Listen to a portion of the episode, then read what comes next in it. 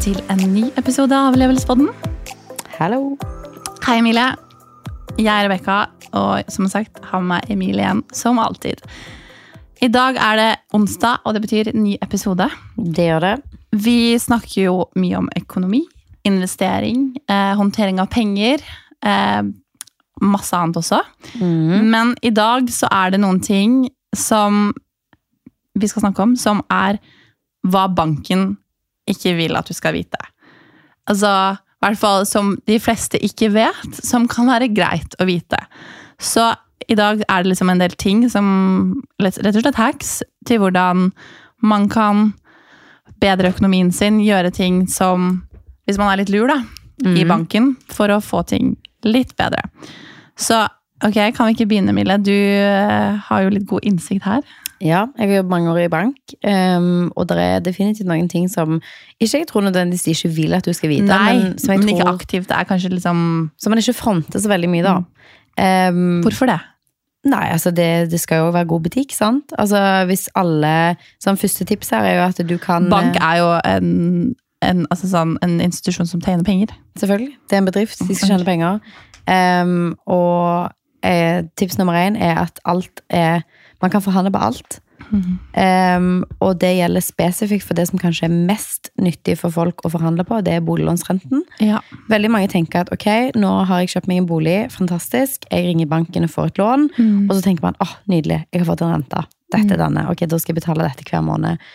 Eh, og så tenker man, i hvert fall kanskje som nordmenn, at man er sånn, du kan ikke ringe de og si at jeg vil ha noe billigere, eller at jeg skal få noe på hermetegn tilbud. Men alt er opp for grabs når det kommer til å forhandle på om det er sparekontorenter, om det er innskuddsrenter, om det er faste gebyrer, om det er kortkostnader på et kundeprogram, og spesielt på boliglånsrenta di. ja. Eh, sånn at ring til banken din, plukk opp telefonen, si Kanskje gjør litt eh, research først. Ja, du burde kanskje få en oversikt over liksom, situasjonen din, da. Eller hva du kan, bør gjøre. Altså, eier du bolig? Hva, hva, måte, hva er situasjonen din? Altså Hvis du skal forhandle på boliglånsrenta, så, så er man jo i kategorien hvor man er i bolig. Ja, selvfølgelig. Men Eh, men andre inn, ting, da. Ja. Eller andre ting, ja. Annen, annen ting som på en måte har en innvirkning på den finansielle situasjonen din. Mm. Og sånn, ting som er veldig personlig sånn, er du medlem av en forening, kan du få ekstra gode eh, tilbud eller fordeler i banker, sånn som for eksempel om det er akademikerne, Tekna, Ekona, medlemsorganisasjoner som gjør og forhandler på dine vegne. Mm. Gå inn eh, og sjekk hva er en konkurransedyktig rente nå, og så se om du oppfyller de lånene, det- eller de kravene. Se at det, ok, Bank ABC i Trøndelag gir ekstremt gode lånevilkår for eh, pensjonister over 80. Bare så en helt hypotetisk scenario. Da vet du at sånn, du kan ikke ringe til banken din i Oslo og si hei, jeg har funnet en bank i mm, Trøndelag som gir gode vilkår for folk over 80. Da kommer den til å si ja, men Rebekka, du er ikke over 80. Nei, Så sånn, nei, men Så man må liksom finne ut hva kriterier du oppfyller, og om det er konkurransedyktige renter for Altså boliglånsrenter for de tingene du oppfyller. Det er jo veldig mange banker som har på en måte promotert hardt sånn eh, lån for yngre, altså under 35. Altså sånn, du har eh, ung forsikring, du har bedre ung spar, altså BSU. Altså sånn, det er veldig mange som har lagt til for ungdom, på en måte, men det finnes jo også i ulike kategorier, sånn som du sier. Foreninger, ulike situasjoner. Ja, det ene og det andre. Og så for for deg da, som har du er bedriftseier, du har mange andre ting som du kommer med til en bank, som er forhandlingskort. Yes. Så hvis du kommer til DNB og sier hei, um, jeg ønsker dette og dette og dette, um, så sier gjerne DNB at ok, vi ser at du tjener dette. I forhold til boliglånsforskriften så kan du få dette i lån. Så sier du sånn, ok, jeg er også klar over at dere har en bruddprosent. Vil si at banken kan bryte boliglånsforskriftene på en andel boligsøkere, eller på finansieringsbevis i en periode. Og da kan du si at ok, er dere villige til å gå i brudd for meg for denne finansieringen? Og da kan en av de argumentene være jeg er bedriftseier, jeg kan komme inn og flytte bedriftskontoer her. Jeg har mulighet for å ta ut utbytte, jeg har mulighet for å justere opp sånn og sånn. Da kan man komme med en pakke til banken og forhandle med det. Så ikke bare kan man forhandle på boliglånsrenter, men man kan òg stille krav eller eh, forhandle på det at banken går i brudd for deg, da. Mm. Noen banker går i brudd for personer som har gått gjennom eh, skilsmisser eller samlivsbrudd. Noen går eh, konkret for f.eks. folk som skal inn på boligmarkedet for første gang. Mm. Så gjør litt research på det. Det er liksom semitips én, tips 2. Du kan òg forhandle på dette med brudd. Det at du kan si at ok, jeg har fått dette i bank 1, men jeg kan ta med meg det til bank 2 og si at du, jeg er en god kunde, jeg har dette i fond, jeg har dette på bedriftskonto, jeg administrerer disse selskapene, og jeg kan flytte det til dere hvis dere gjør XYZ. Så gjør det å stille krav 100 mm. alt, er, alt kan forhandles på. Mm. Um, tips nummer tre, da, siden det var liksom to tips, Ja. er at man trenger ikke en finansiell rådgiver. Og det er litt kontroversielt, fordi eh, veldig mange institusjoner, enten om det er banker eller om det er formuesforvaltere, pitcher dette med at ok, eh, du trenger økonomisk rådgivning, du trenger en veileder som kan hjelpe deg gjennom alle tingene. For de aller fleste folk som har vanlig økonomi, trenger ikke det. De trenger ikke en skatteadvokat, de trenger ikke en eh, investeringsrådgiver, de trenger ikke en vanlig rådgiver. Man trenger veldig lite hvis man har lite kompleks økonomi. Fordi man håndterer jo det meste selv via nettbank og har jo ganske god oversikt nå via digitale løsninger. Er du en person som ønsker en investeringsrådgiver, da, så har jeg én ting å si. Få deg en aksjesparekonto, invester i et indeksfond. Det har to ting å si. Ja. Eh, Du trenger ikke å betale i dyre dommer for eh, økonomiske råd. Du trenger ikke å betale et dyrt forvaltningshonorar på eh, et aktivt forvalta fond. Gjør det enkelt. Kutt ut på en måte mellommennene på de som tar en del av profitten din.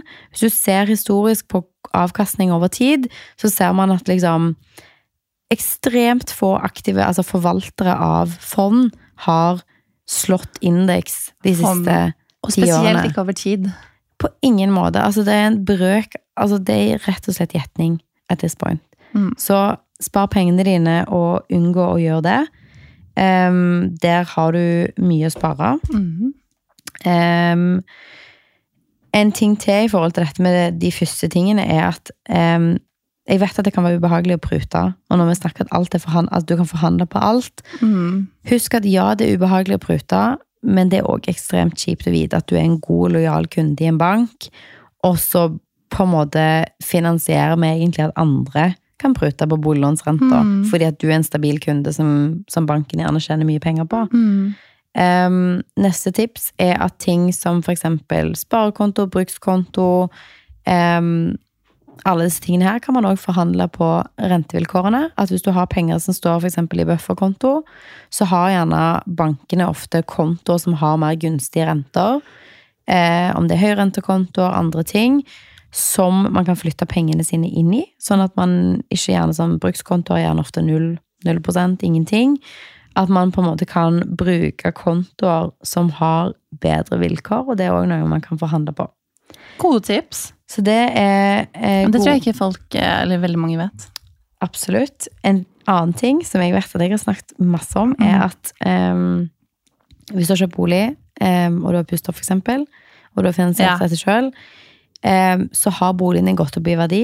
Altså Hvis man ser de siste fem-seks årene, så har du nesten uavhengig av hvor du har vært henne, så har boligen din steget i verdi. Det er ikke nødvendigvis gitt at det skal skje i fremtiden, men eh, hvis du ønsker å finansiere noe, eksempel du skal starte en bedrift, du skal pusse opp, du skal gjøre ditt første flippeprosjekt, hva enn det er, så kan du faktisk låne opp på en ny verdi i boligen din. Det er ikke noen rådgiver i en bank kommer til å flagge til deg og si hei, du visste du at du kunne låne opp en million her hvis du vil. Ingen kommer til å si det til deg.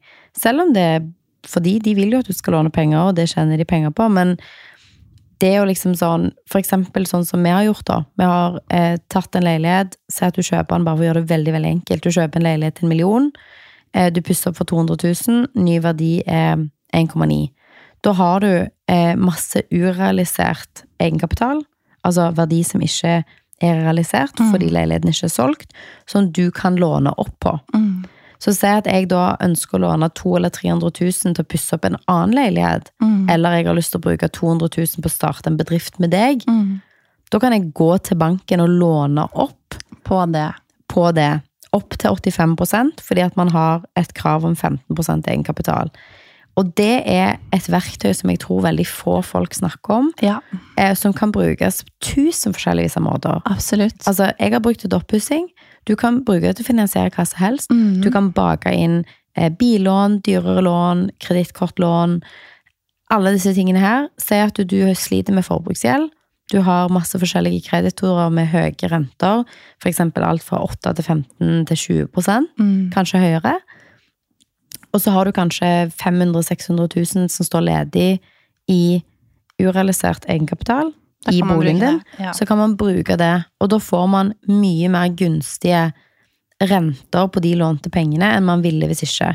Eller for vårt tilfelle, eksempel, som har starta mange bedrifter sammen. At hvis meg og deg skulle sagt at nå skal vi starte, vi skal bygge en app, eh, og vi trenger 300 000 til å starte dette her. Mhm. Istedenfor at vi går ut og henter penger for det, og taper eierandeler i vårt eget selskap, så kan vi kanskje være i en situasjon hvor vi kan finansiere det sjøl gjennom Mm. dette. Veldig godt tips. Og eh, siste tips Nå er det veldig, mange tips. Det er veldig bra. Det er gøy å snakke om. Men eh, det at eh, man kan òg låne opp på eh, en eiendomsportefølje til ehm, til å låne opp til en Til det å investere i fond. Mm. Altså man kan eh, belåne eller ta sikkerhet i en eiendomsportefølje eller et boliglån eller flere eiendommer, og låne penger til verdipapirer. Og dette, det heter verdipapirfinansiering. Sånn at se at jeg har en million som står ledig i urealisert gevinst eller egenkapital i Mhm. en bolig, så kan jeg i noen banker låne opp det for å investere i fond. Og det er jo veldig interessant, fordi i eh, markeder hvor det har vært lave renter, og aksjemarkedet har gått godt, så har man jo differansen mellom de to. Mm. At se at boliglånsrenten er 2 nå er jo ikke den det nå, men se at den har vært det, og man har en eh, ja, cirka avkastning i markedet på 8 så har man jo netten mellom det, da. Da har Mm. man eh, en mulighet for å tjene mer penger med å gjøre det på den måten. Dette var jo litt sånn generelle ting. altså sånn Sykt viktig å forhandle på alt. Forhandle på boliglånsrenta di, forhandle på sparekontorenta di, forhandle på alt.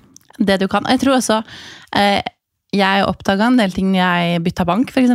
Mm. At hvis man gidder å sette seg inn i måte, fordelen og vilkårene man har, for man får jo masse dokumenter, Mm. for eksempel, ehm, så har man ganske mye fordeler. Kan være komme med kredittkort, komme med sånne ting, så man har goder som man har. da. Definitivt. Eh, i, mitt, eh, I mitt kort så var det liksom ok, tilgang, tilgang på lounger, på Mm. flyplasser, som jeg ikke ante. Og det er, sånn der, okay, det er sånne gode man har, hvis man så gidder å på en måte bare lese noen av de dokumentene som kommer med. Mm. Eh, så gidd å lese, sette dere inn over hva slags måte, fordeler du har i, de ulike bankene. da. Mm, spesielt på kort, fordi um, veldig mange ting som man ender opp med å betale for, eksempel sånn Det er mange kort i banker som for eksempel gjør at man ikke trenger å ha em, egenandel når man leier leiebil i utlandet. Altså det er masse sånne ting som man ellers ville betalt for. Så bruk liksom fem minutter på å sette deg inn i de fordelene. Og eh, kanskje også spørre banken din. De fleste banker har en sånn oversikt med liksom de viktigste fordelene, og hvordan man kan bruke de. Ja. Um, så gjør det, for du kan spare mye penger på det. Mm. Så kort fortalt, dette var mine kjappe, eller kjappe tips. Eh, Forhandl på alt. Alt fra boliglånsrente, sparekonto, eh, gebyrer eh, Alt, egentlig. Eh, Veldig, veldig gode tips. du trenger ikke en eh, finansiell rådgiver til å hjelpe deg med vanlig investering. Det klarer du sjøl. Indeksfond, lave kostnader. em, lån opp på eh, boliglånet ditt i ubenytta, urealisert bolig. Mm. Hvis den verdien har økt, til å finansiere andre prosjekter, verdipapirer, eh, gründerprosjekter, oppussing. Um, og gjør research på hvilke fordeler du kan ha gjennom kundeprogram, gjennom organisasjoner eller fagforeninger, og gjennom eh, kortprogrammer, som Ja. eksempel lounge eller forsikringer eller andre concierge, kan være hva som helst. Ja, det er eh, kjempe, kjempebra. Takk for alle gode tips. Eh, håper det kom til nytte for noen der hjemme. Det tror Ja. jeg virkelig. Altså, er Også- det, kan snakke masse, bare spør, jeg har masse, masse tips. Igjen, er det noen eh, spørsmål rundt dette, så vet dere hvor dere finner oss på Instagram. Um, stort sett. Yes. Og så snakkes vi neste onsdag med en ny episode. Det gjør vi. Ha det bra.